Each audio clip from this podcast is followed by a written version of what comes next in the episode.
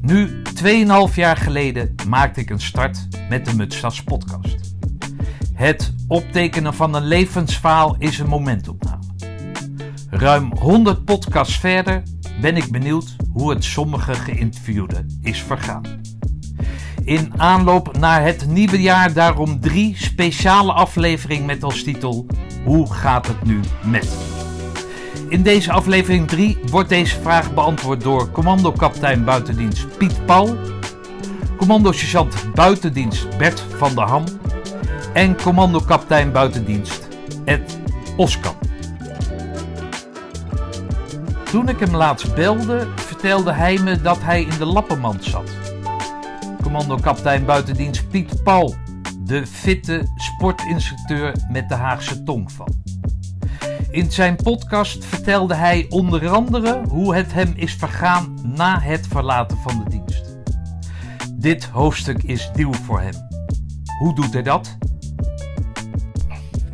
Uh, uh, ja, om kort te zijn, uh, zeg maar net na de reunie, de afgelopen reunie, ehm, ja, ik, hoe moet ik het kort vertellen? De reunie ben ik naar de dokter gegaan, want ik, ik, was een beetje aan het afvallen en ik had geen eetlust. En ik moest nog een testje doen van hem, van ik laat altijd een cardiogrammetje maken eh, onder de grond natuurlijk. Om te, op, op tijd te controleren, in de gaten te hebben dat het niet de verkeerde kant op gaat. Ja. En nou, dat is allemaal gebeurd. Dus ik doe dat testje eh, bij zo'n juffrouw, zo'n blaastest. Een COPD-testje eigenlijk. En uh, ik kom thuis. En ik moet hoesten. Want dat moest ik natuurlijk toch al. Dat, dat was de reden dat ik naar de dokter ging. Uh, ik moet hoesten en ik krijg een elektrische knal achter in mijn nek. En uh, ik zakte gelijk door mijn voet heen. Nou, ik uh, zeg, dat is ja, zelf gekomen, gaat vanzelf weg. En dat ging niet weg. En een paar dagen later, want ik lag natuurlijk te woelen en te kroelen. Dus ik zeg tegen mijn vrouw, ik ga lekker beneden liggen. En ik lig op de bank en ik moet pissen. Ik wil opstaan, stap van de bank af en ik donderstraal zo door mijn eigen voet heen. Oftewel, mijn benen deden niet wat ik wilde. Oké. Okay. Nou, met, ja, met die knal in mijn nek voelde ik natuurlijk al nattigheid. Uh, dus de andere dag uh, snel naar de dokter. En die zegt, uh, 1, 2, 3, je valt af, je, je zweet een beetje s'nachts. Ga jij maar eens lekker naar het ziekenhuis en dan reken er maar niet op dat je vanavond thuis eet. Nou, toen wist ik al genoeg natuurlijk. Dus naar het ziekenhuis. testje, testje, testje. Nou, je wordt helemaal van onder naar boven word je verschriend. En toen kwam eruit, uh, ja, u heeft kanker, ziekte van Hodgkin. In de vierde graad. Wat is dat, ziekte van Hodgkin? Dat is uh, lymfklierkanker. Oké. Okay. Ja, je, je, je verstel heeft uh, lymfklieren. Die zitten door je hele lichaam heen, van boven naar beneden. Dat is, en ja, daar heet kanker aan. Nou, dat is wel leuk. Dus dat is een donderslag bij helder hemel. Uh, familie natuurlijk helemaal in paniek. Dochter van Oleg. Nou, uh, ja, toen was het uh, natuurlijk uh, kijken wat voor kanker. Dus een biop maken. Dan moet je een week wachten totdat de biop gemaakt is om te kijken wat er allemaal los is. En ja, dat biop is gemaakt. Nou, dat wordt één keer bestralen in de nek. Waar dat plaatsgevonden heeft. Dus er, is een, er zit wat klem in de nek. En dat heeft uitstraling naar je, naar je benen toe. Okay. Nou, uh, dus weer gelijk chemo gehad. Of gelijk eerst een bestraling. Daarna gelijk cyclisch zes chemokuren. En vorige week heb ik gehoord dat het brandmeester is. Oftewel, de kanker is mijn lichaam uit. Ja. Het is gewoon Alleen, ja, de, ik, ik, ik hou nog steeds last van het lopen. En ze zeggen, nou, dat kan wel eens uh, anderhalf tot twee jaar duren voordat dat uh, allemaal goed is. Jeetje, joh. Dus, ja, dus ik uh, ben een beetje, net als je muziek lopen, dan ben ik net een beetje een dronken baasje. Ja. Want ik, ik, ik waggel een beetje als ik niet op horizontale af, dingen heb. En een klein stapje maak, ja, dan ga, ik, ga, ik, dan ga ik door mijn knieën heen. Oké. Okay. Dus dat is de stand van zaken eigenlijk. Hé hey joh, en, en hoe doe je dat uh, in je hoofd dan? Eh, je bent altijd een fitte baas geweest. Je golft, eh, hebt gegolfd als, een, als Ja, een idioot. nou, ik, ben dus, ik ben dus redelijk immobiel op het ogenblik. Want eh, ik heb al wat vocht in mijn benen zitten. En mijn buik is ook eh, niet helemaal top. Er zit ook nog, eh, ja, die zenuwen hebben daar toch, eh, eh, ja, hoe moet je dat zeggen? Een vertraging. Dus die doen niet wat, wat, wat er precies moet gebeuren. Ja, dat gaat dus nog een tijdje duren. eh. Maar fysio of zo? Of wat, wat, wat doe je? Ik, doe, eh, ik moet nu naar de fysio toe. Dus ik ga uh, fysioen. En dan eh, kijken we maar eh, ja, hoe snel dat eh, beter gaat worden. Maar Ah. dat, kan wel eens een, lang- dat hebben ze mij al beloofd, dat kan wel eens een lang proces worden. Maar ben jij dan, ben je, jij bent niet het type volgens mij die zich daaraan houdt twee keer. Of ben je zelf ook bezig? Of hoe, hoe, hoe doe je dat? Nee, ik heb, dat, ik heb mezelf ook al een keer, ik heb mezelf ook natuurlijk al, maar ik heb één nadeel. Ik ben zo eigenwijs als te neten. Oh, is dat zo? En, Ja? eh, lichtelijk. Oké. En, eh, en eh, ik ben van, nou ja, we zullen eens even kijken tot hoe ver we kunnen gaan. Maar dat is in dit geval dus helemaal niet goed. Want dan krijg je een terugklap en dan krijg je kant nog op. Oh, dat, dat werkt dus averechts. Dat werkt averechts. Nou ja, dat is dan wel makkelijk. Of eh, dat is wel fijn dat. Ja, het is niet fijn, maar dat is wel fijn dat je dat dan hebt.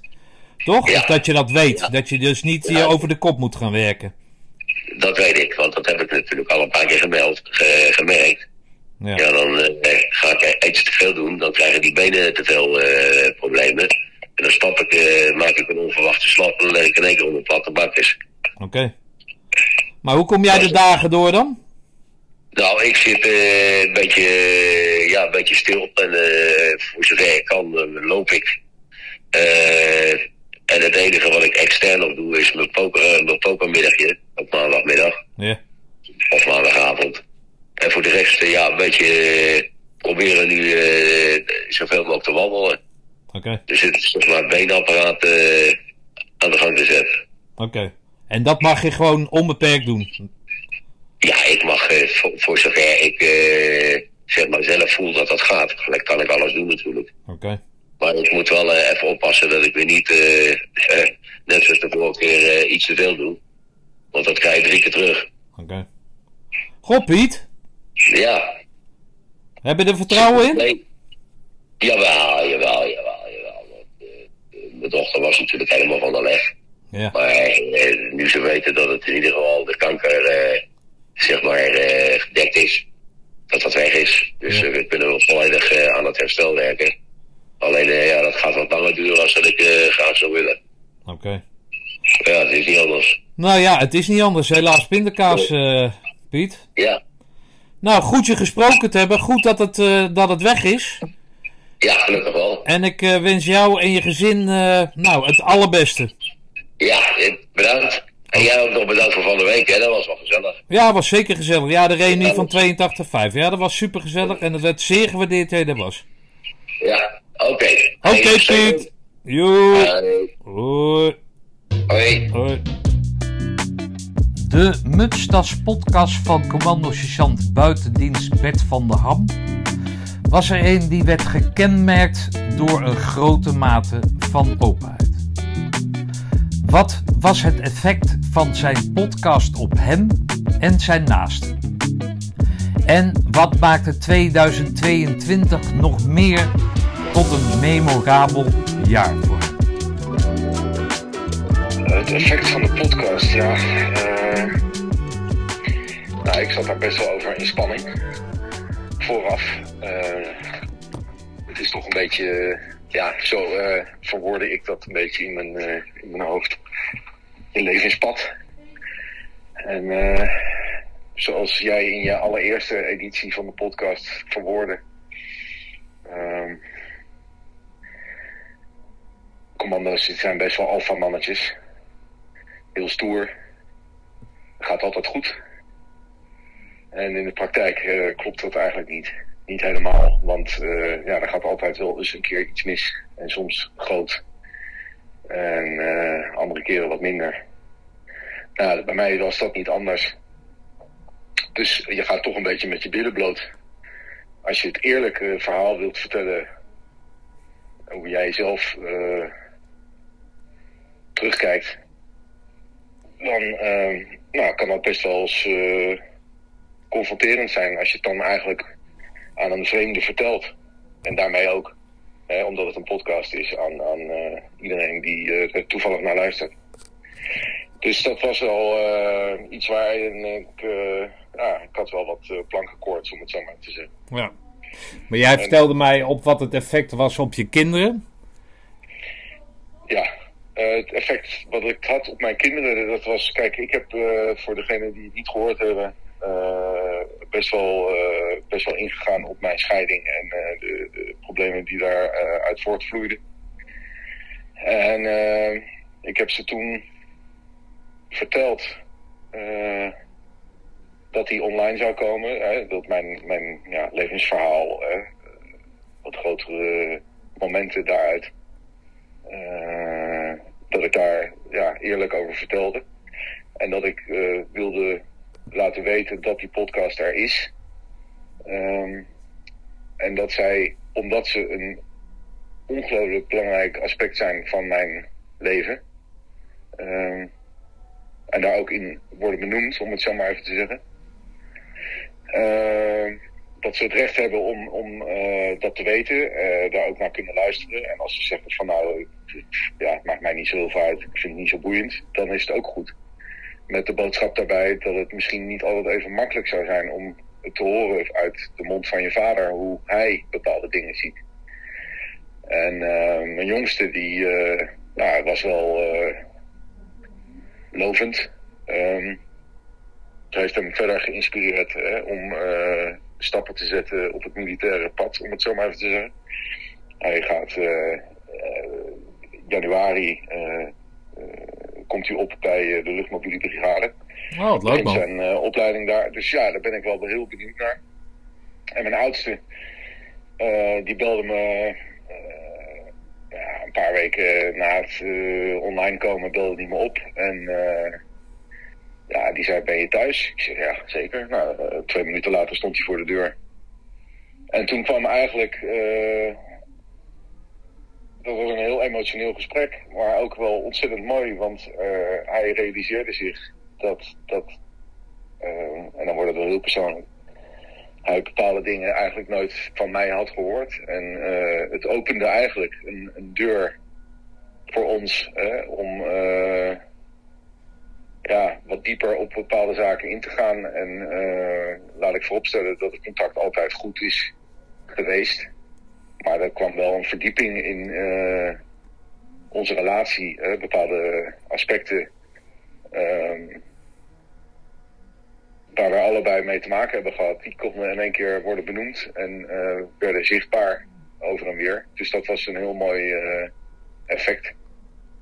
En niet dat het daarmee om te doen was, zeker niet. Maar het gaf wel uh, een mooie bijvangst, om het zo maar even te zeggen. Mooi man. En, ja, dat uh, ja, was uh, ja, een hele mooie aanleiding eigenlijk. Hè? Een, een soort incident. Hè? Ja, het luisteren van een podcast, wat dan in één keer allemaal dingen inzichtelijker maakt en, en begrijpelijker. Ja. Hey, even dankjewel Bert, maar even wat over die uh, NMM. Hey, in jouw podcast vertelde je al uh, dat je daarvoor aan het trainen was, hè? van Normandië naar, naar Roosendaal. kan je daar in het kort wat over vertellen? Ja, dat was een gigantisch project. Ehm, ik heb altijd genoten van de gesprekken, zeg maar, hè, wat, wat wat er nu gaande is met een, met een oud commando. Uh, die sterke, stoere verhalen, die vind ik allemaal niet zo boeiend. Uh, dat is altijd factor 10. Uh, het wordt de diepste put en de langste ellende en weet ik veel wat allemaal. En de reden voor mij om ehm, me überhaupt in te schrijven in een gigantische opwelling was dat ik gewoon erbij wilde zijn en het hele project wilde ondergaan, samen met degene die dat dan ook hadden. Uh, zich daarvoor hadden ingeschreven. En ja, dat hele jaar van trainingen, die, die, dat, die, ik heb denk ik 26 wandeldagen gehad vorig jaar, dus in 2021, in de aanloop naar die grote finale. Ja, dat, dat loopt er niet om. Dat, heeft behoorlijk effect gehad op het thuisfront trok een behoorlijke wissel. Uh, want er waren in één keer ja, toch een stuk of twintig uh, weekenden uh, half naar de kloten, om het zo maar te zeggen. Dat ik voor dag en dauw opstond om een uur, anderhalf, twee uur te rijden. Om, om op tijd op het startpunt te zijn. En dan na 40, 50 kilometer helemaal verrot weer terug te rijden naar Den Haag. En kon geen pap meer zeggen op sommige dagen. Ehm, moest alleen maar in bad en uh, wilde vreten. En was gewoon niet meer echt aanspreekbaar of aanwezig uh, voor het thuisfront. En ik heb uh, behoorlijk getwijfeld of ik het überhaupt zou halen, de start in maart. Ehm, op een gegeven moment heb ik wel de knop doorgehakt. Ik ga daar gewoon vol voor. Dat was vorig jaar september, oktober.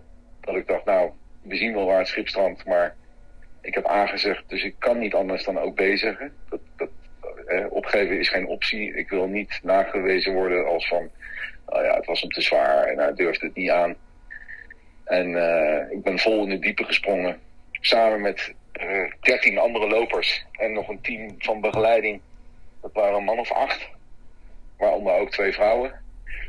En uh, we hadden allemaal zoiets van, uh, eindelijk kunnen we beginnen. Hè? Dat was op 1 maart.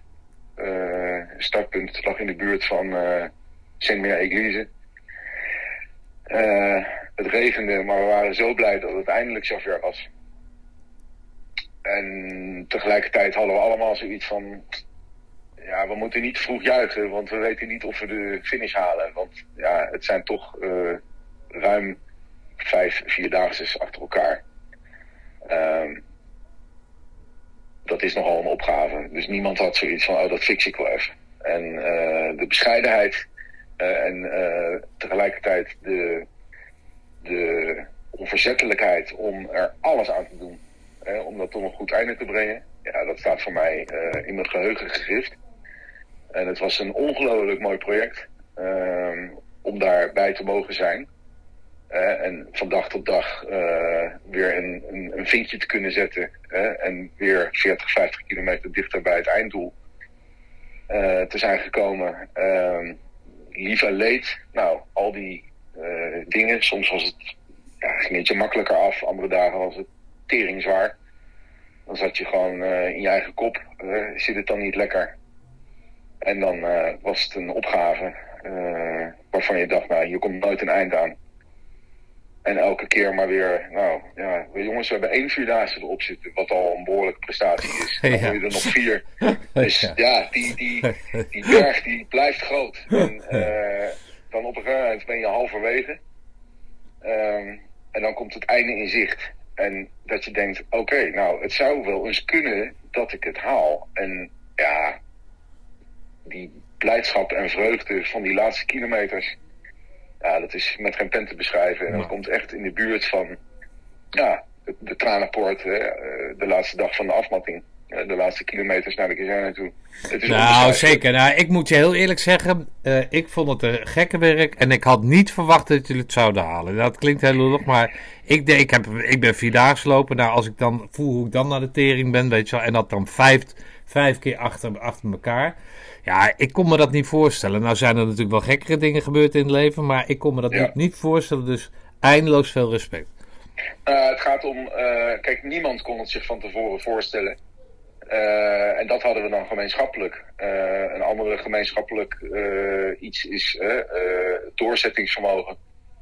Um, en de wil om, en ook de noodzaak zien om jezelf onderdeel te maken van een, van een, van een collectief.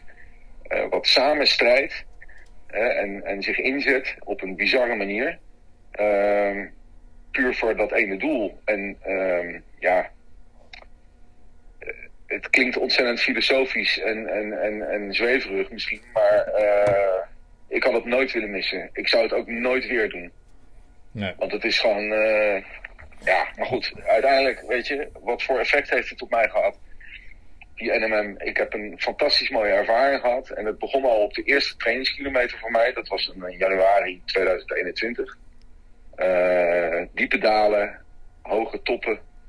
Ehm, het was een project om, om nooit te vergeten. Het heeft mij echt wel uh, heel veel opgeleverd. Ehm, heel veel uh, ja, momenten van ja, in jezelf gekeerd, alleen maar lopen en dingen uit je jeugd die dan in één keer naar boven springen. Ehm, ja, soms liep ik gewoon in één keer uit het niets met tranen in mijn ogen. Ja, nou ja, ik vind het sowieso knap dat jouw vrouw dan uh, jou ook nog getrouwd is na al die ellende, zeg maar. Ja, dat was wel. Ja, dat, dat grijpt wel in elkaar. En dat is. Uh, kijk, ik had. Zoals ik al zei, het heeft, het best wel een wissel getrokken op het thuisfront.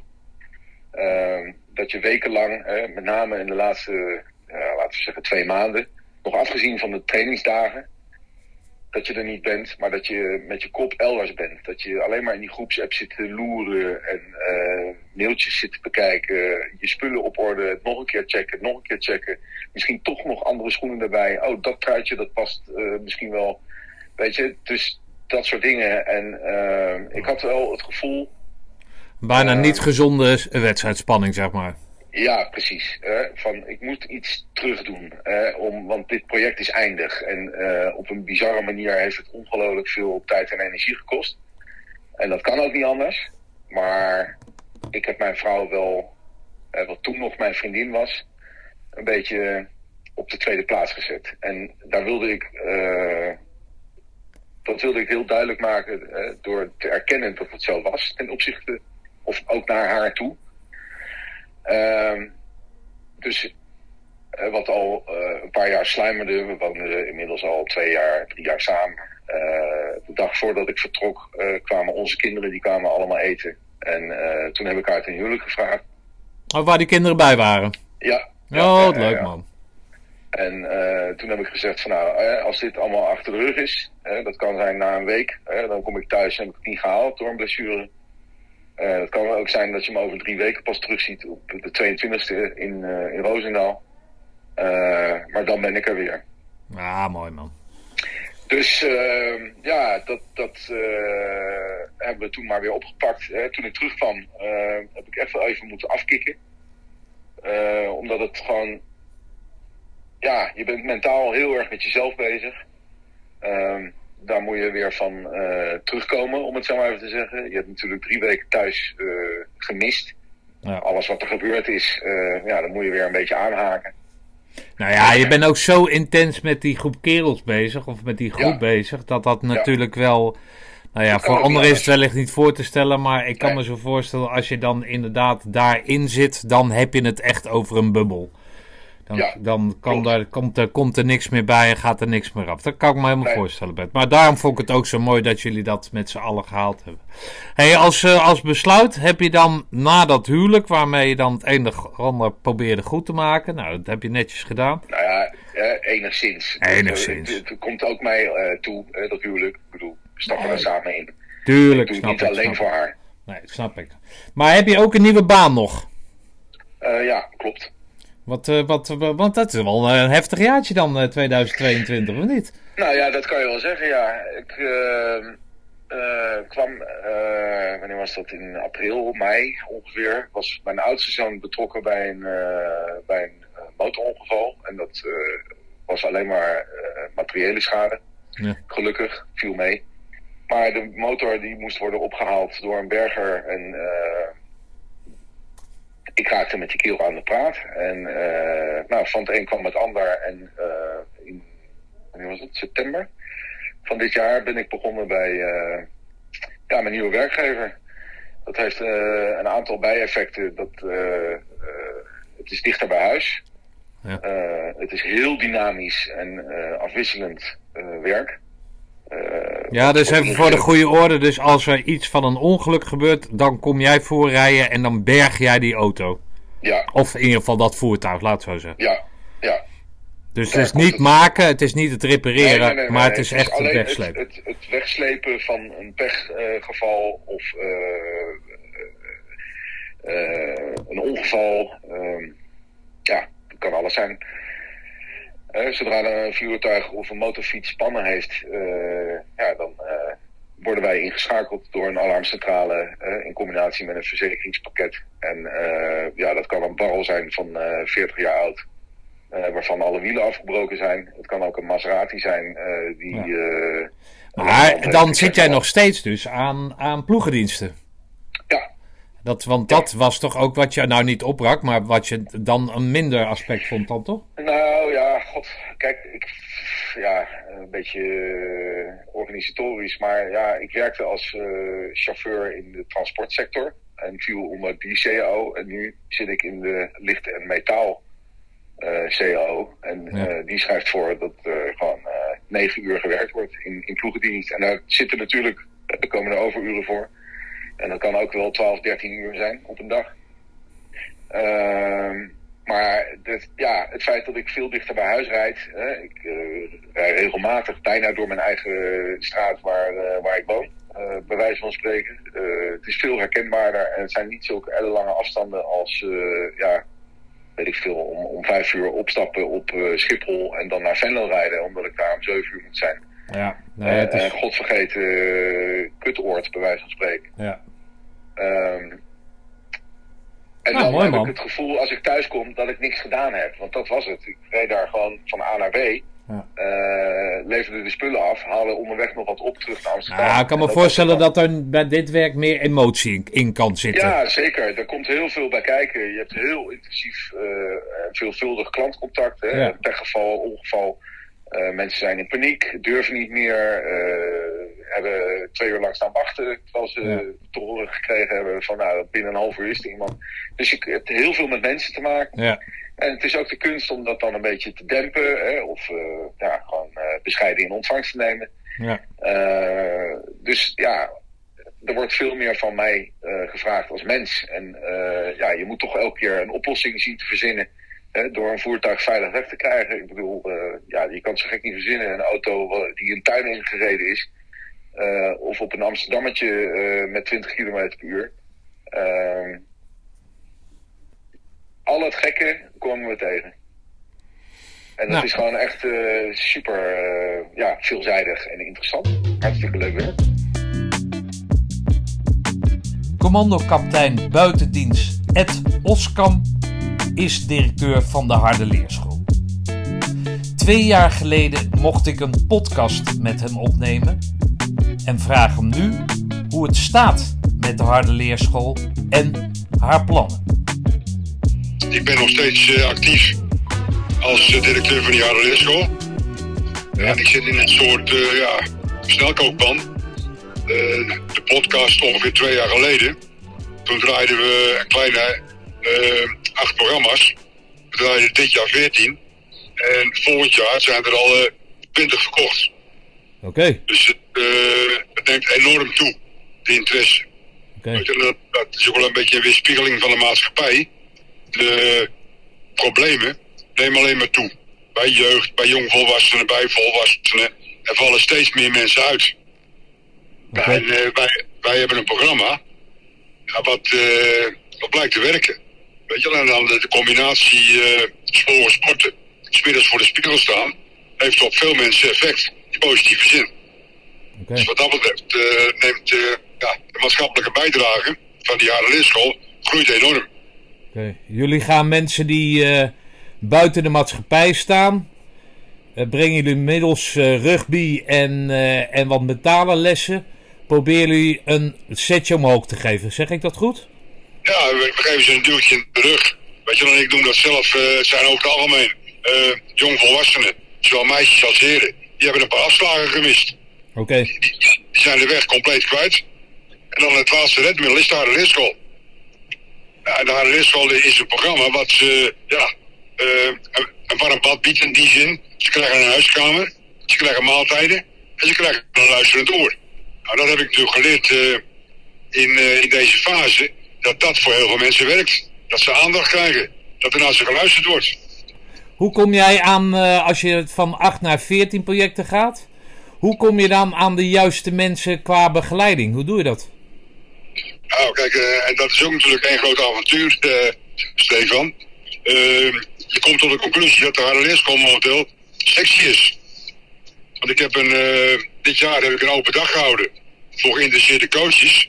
Je weet niet wat daarop afkomt. Humanisten, juristen, hoogopgeleide mensen uit uh, het bedrijfsleven. Die willen coach zijn bij de HRS-school. Hun steentje bijdragen, is dat het? Nou, een steentje bijdragen, maar ook daadwerkelijk coach zijn. Okay. Dus het, uh, het zijn mensen die we intern opleiden. Ja. Nou, zo'n opleidingstraject neemt ongeveer een half jaar in beslag. Het uh, uurloon is laag. Ze verdienen niet veel geld. Ja. Maar ze vinden het gaaf om erbij te horen. En om mensen te kunnen helpen. Okay.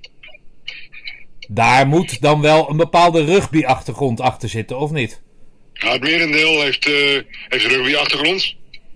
En niet allemaal. Weet je en uh, het belangrijkste is dat ze ja, die persoonlijke ontwikkeling kunnen ondersteunen aan de hand van kernwaarden die we hebben vastgesteld. En dat is voor een gedeelte zijn dat rugby-kernwaarden. En daaruit afgeleid hebben we competenties, leerdoelen, vormingsdoelen. Dus ze moeten wel op, in die methodiek kunnen acteren. Oké. Okay. Ik was vorige week in, uh, in Roosendaal bij de reunie van uh, 82.5. En de dag daarvoor, de donderdag, was daar een project van jullie afgesloten. Kan je mij eens vertellen, dat was een nieuwe locatie of niet, Roosendaal? Ja, Roosendaal was een nieuwe locatie. Kan je mij eens vertellen hoe dat, hoe dat dan gegaan is en wie daar betrokken bij zijn geweest? Nou kijk, uh, ik ben de, de architect van het programma in Roosendaal. Dus ik ben een jaar geleden ben ik, uh, gaan praten met de mensen van het werkplein. Daar een school onder de aandacht gebracht. En dan besluit uh, men dat ze, oké, okay, die gaan de school een kans wil geven. En dat werkplein is een gemeentelijke instantie? Ja, dat, dat is een samenwerkingsverband van zeven uh, gemeentes. Die met, met, met name de, de uitkeringsgerechtigden bedienen. Oké. Okay. Weet je uh, aangesloten is dat de Bergen op Zoom, Roosendaal, Sint-Willy-Brods, Etteleur en nog een paar gemeentes. Oké. Okay. En hoeveel, ja, hoeveel deelnemers hadden jullie daar dan? wij zijn gestart met, met, met een klein klasje van 14 man. Ja. Ja, we zijn geëindigd met 10. Oké. Okay. Ja, en, en, dat is gedraaid door een uh, mobiel trainingsteam, zoals ik dat noem. Ja. En dat mobiel trainingsteam stond onder leiding van Dirk Dane. Ja. Dat is mijn uh, rechter en linkerhand. Ja. ja en daarnaast Serafine Paul, de dochter van, van Piet. Ja. Ja. Dat is de gaaf. Ja. En nog uh, twee andere coaches. Nou, die draaien zo'n programma van acht weken. Ja. Ja, men, en met name die ambtelijke instanties, die kijken er oog uit. Wat wij bereiken, door onze manier van aanpak, met mensen die niet zijn te, te bewegen. Oké. Okay. Uh, dat, dat is gewoon gaaf, dat is dankbaar werk. In het concept zit opgesloten dat jullie dan de, de cursisten, als ik ze zo mag noemen, uh, in contact brengen met uh, het bedrijfsleven. Dat bedrijfsleven, is dat enthousiast te krijgen? Ja, absoluut. Joh. Kijk, en dat is natuurlijk, ja, voor een groot deel is het mijn netwerk. Ja. Dus een aantal oud-commandos spelen daar een belangrijke rol in. Maar de arbeidsmarkt speelt ook mee. Ja. Iedereen zoekt naar personeel. En alle mogelijkheden worden geprobeerd. Kijk, en van uh, de tien jongens die wij certificeren, zijn er vijf gewoon goed bruikbaar. Oké. Okay. Nou, en dan zijn er uh, de, de, ondernemers die, die zijn geïnteresseerd en die vechten om, om de cliënten. Okay. Want we hadden de afgelopen vijf jongens die zijn naar het werk gegaan. En we hadden vijftien ondernemers die mensen zochten. Dus dat is, dat is lachen. Is dat meteen een betaalde baan of is dat een stageachtige vorm in eerste instantie? Nee, ze krijgen een maand proeftijd en dan gaan ze gelijk aan het werk. Oké. Okay. Er zijn allerlei varianten hoor, want mensen die nog niet aan werk toe zijn, weet je, die kunnen met uh, subsidiegelden, kunnen die aan het werk. Uh, alle, alle, varianten die jij kent vanuit de arbeidsmarkt, die zijn ook op voor ons van toepassing. Oké. Okay.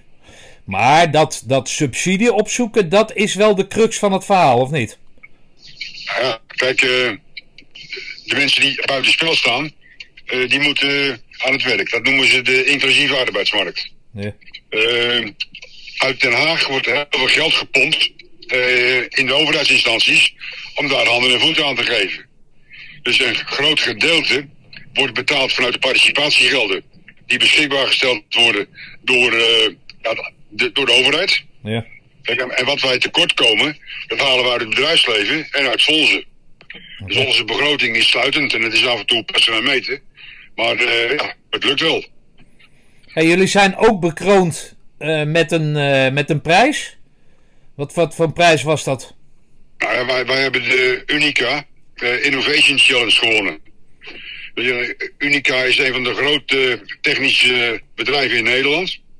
Ja. En die roepen jaarlijks zo'n zo'n prijs uit. En dit jaar was het thema de krapte op de arbeidsmarkt.